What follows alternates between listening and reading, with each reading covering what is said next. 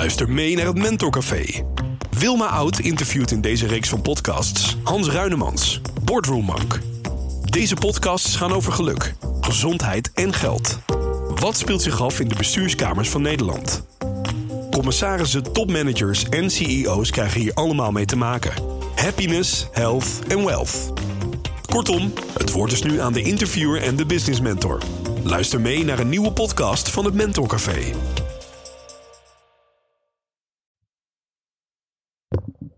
In voorspoed ligt de kiem voor tegenslag.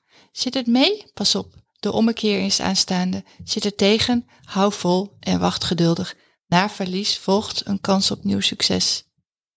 Dit aforisme, zo heet dat, las ik in een boek over een Chinese filosoof en ik wil weten hoe ik dit moet zien. Moet ik mij, als het lekker gaat, voorbereiden op verlies? En als ik daar dan ben, in die rotperiode, mag ik mij dan verheugen op betere tijden?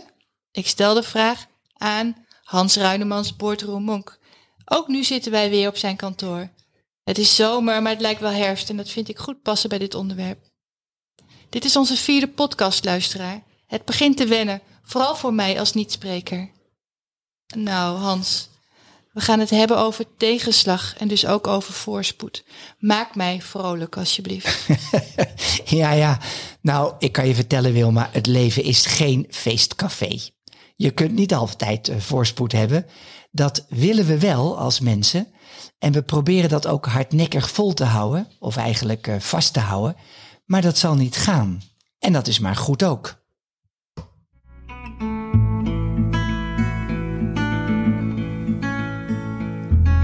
Here we go on this roller coaster life we know, with those crazy highs and lows. I really don't know why. And I will go to the Mooi hè, dit is Danny Vera. En ik dacht altijd, of ik heb een tijd gedacht, dit is een Amerikaanse rocker. Maar nee, het is een zeeuw. Hij komt uit Zeeland. Tja, Maar terug naar ons onderwerp. We willen voorspoed vasthouden. Dat gaat niet en dat weet ik. Maar waarom is dat dan maar goed ook? Zoals je zei voordat Danny Vera eh, zijn eh, song liet horen. Wat is dat voor gemeens? eh, het leven is gemeen. We willen het verlies, de zwaardere tijden altijd buiten de deur houden. Buiten ons leven, terwijl je de winst van het leven nou net haalt uit de tegenslagen. En wie zijn wij dan? Met wij bedoel ik de mensen die geboren zijn in welvaart. Als we kijken naar Nederland, dan is dat kortweg iedereen vanaf 1965 tot nu toe zo'n beetje. Ik dus ook. Ehm, op de valreep. Ik ben geboren in de jaren van voorzichtig toenemende welvaart. Oorlog en armoede heb ik zelf niet gekend. Ik heb de verhalen wel gehoord. Eh, maar toch was het in mijn leven niet altijd Hosanna. Nee, we hadden het in een eerdere podcast al over de loterij van het leven. En er zijn zware levens en er zijn minder zware levens. Dat lot is niet alleen afhankelijk van de tijd en de plaats waar je geboren bent, maar natuurlijk ook van allemaal andere factoren. Want je kunt pech hebben in een vredige boterbloemvallei en je kunt mazzel hebben op een ijzige steppe. Maar geen mens zal nooit tegenspoed kennen. Het leven is een en al beweging. En dat is maar goed ook, dat zei ik net al. Eh, als ik verder denk, dan kan ik je ook zeggen, de winst, hè, de importantie, de waarde, dus, dus eigenlijk wat ertoe doet, die zit in de tegenslag, niet in de voorspoed. Dat denken mensen vaak wel. Voorspoed heeft maar één functie en dat is krachten verzamelen voor de onvermijdelijk slechtere tijden, zodat je die slechtere tijden ook goed doorkomt. Zo was het bedoeld en zo werkt het nog steeds. Eigenlijk zijn we nog gewoon die oermensen. Onze verre, verre voorouders leefden van barre tijden naar barre tijden, met tussendoor een periode waarin het even meezat. Meer verwachten ze ook niet, vermoedelijk. Ja, die oermensen. Zolang ik nog steeds kippenvel heb, heeft mijn beha- behaarde voorouder mij nog niet verlaten. Geen vacht meer, toch nog kippenvel. Ja, ja kippenvel is inderdaad een soort eh, reactie, hè? dat, dat eh, de haartjes omhoog gaan staan en je de, de warmte vasthoudt. Ja, ik kan je zeggen dat ik geen haar op mijn arm heb meer. De- van oerouders. Hè. Je kan zeggen dat wat in een groot deel van vooral het Westen wel verdwenen is, dat is het accepteren van tegenslag. En dat is natuurlijk niet overal zo, want overal op, overal op de wereld is er natuurlijk ruimschoots ellende te vinden. De meeste mensen op aarde zitten niet in dat feestcafé wat ik net noemde. Ik zei dan ook eh, in Nederland. En ik bedoelde mensen geboren in welvaart. Het accepteren van tegenslag, van verlies, wordt dus vaak niet langer geaccepteerd. Ja. Dat is wat je zegt. Ja, terwijl dat juist, ik zei het al, zo belangrijk is. Tegenslag op zichzelf is ook helemaal niet gevaarlijk. Hoe meer je worstelt in het leven en hoe vaker je op je gezicht gaat, ik zeg het maar netjes, Ja, netjes. hoe weerbaarder je bent en hoe meer voorbereid op wat gaat komen. Ik zeg erbij dat je er wel van moet leren. Je moet niet natuurlijk volharden eh, als een ezel die zich niet Ja. drie keer aan dezelfde steen stoot eh, in je vergissingen. En dat komt natuurlijk Ja, bij sommige zeker. mensen ook voor. Ja, dat komt ook voor. Loving and fighting, accusing, denying. I can't imagine a world with you gone. The joy and the chaos, the demons were made up. I'd be so lost if you left me alone. You locked yourself in the bathroom, lying on the floor when I break through. I pull you in to feel you. Weet je wat eh, pas echt schadelijk is? Mhm. Dat is het niet accepteren van tegenslag en het willen vasthouden aan de voorspoed. Dat is pas schadelijk. Ja, miljarden mensen. Ik had net mijn zusje aan de telefoon die zei: Ik zit te huilen voor de televisie. Dat Mhm. miljarden mensen eh, ervaren op dit moment verlies. Ik denk aan Afghanistan, daar hadden we het net over. Oh, juist, ja.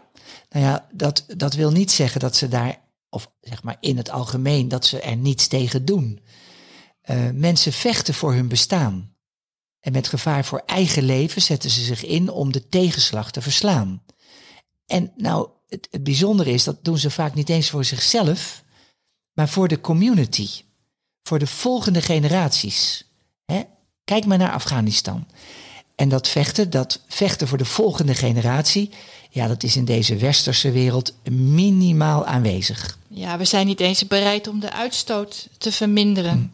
Ten behoeve van onze kinderen of, en kleinkinderen. Precies. Het individu hier in het welvarende Westen, die eist gewoon instant geluk. Ja, ja. Instant gratification wordt het ook wel genoemd. Zo is het. Ik kom dat ook tegen in mijn werk als business mentor. Ik sprak kort geleden nog met een jonge ondernemer. Jong als in rond de 40. Dat is voor mij dan eh, nog ook jong.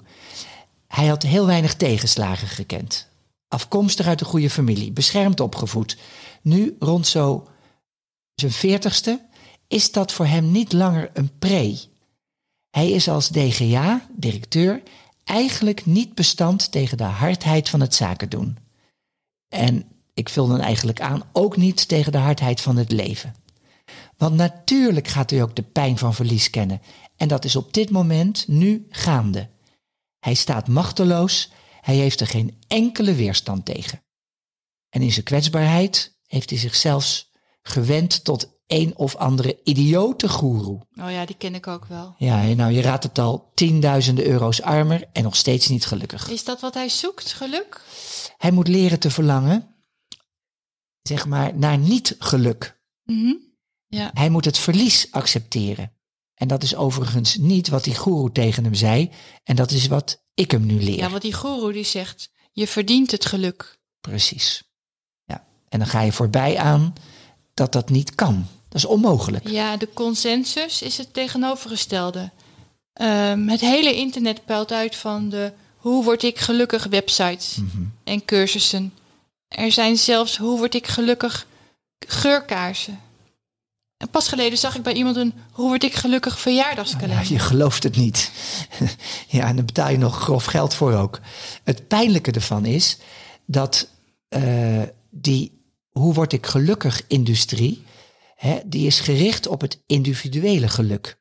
Dus hoe word ik gelukkig? Ik als individu. Me, myself and I.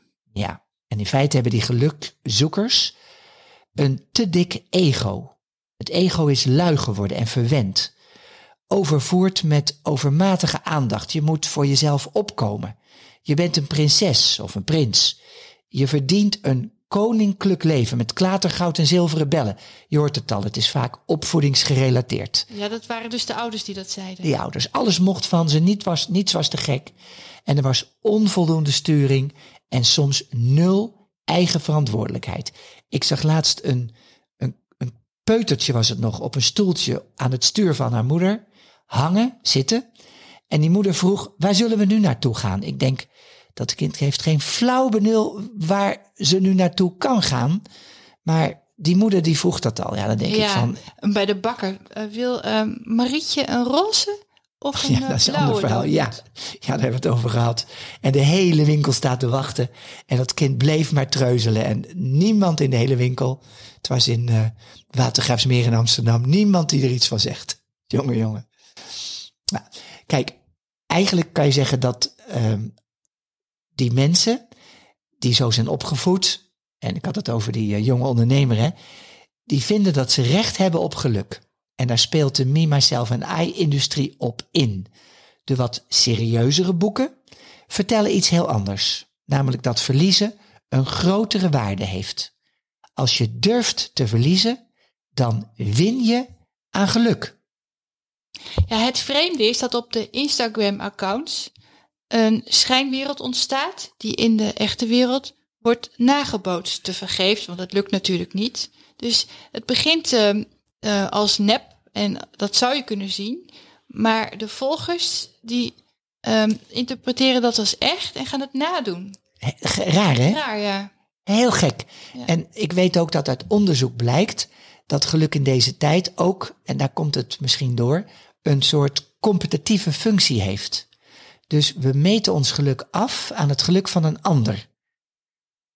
En wat ik geleerd heb is, je moet het geluk afmeten aan jezelf. Ja, als je de, de um, Instagram-accounts van influencers bekijkt, dan zie je dat ook. Dan zie je de overtreffende trap uh, aan geluk. Ja, individueel geluk. Dat spreekt voor zich. Me, myself en I. En die onderzoeken tonen eigenlijk iets heel bazaals aan. En er wordt overheen gekeken, maar ik denk dat het namelijk ook een voorbeeld is van een overblijfsel van die oermensen.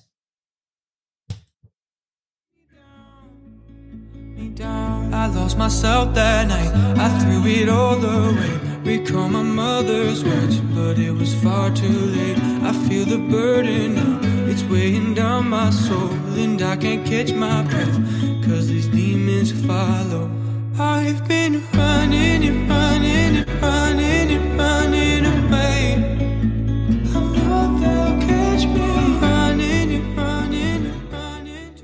Die Instagram-influencers met hun plastic namaakwereld, ja, sorry hoor, maar je ziet zulke idioterie voorbij komen. Die zullen dat allemaal ontkennen. Als ze iets niet willen zijn, dan is het wel doorsnee.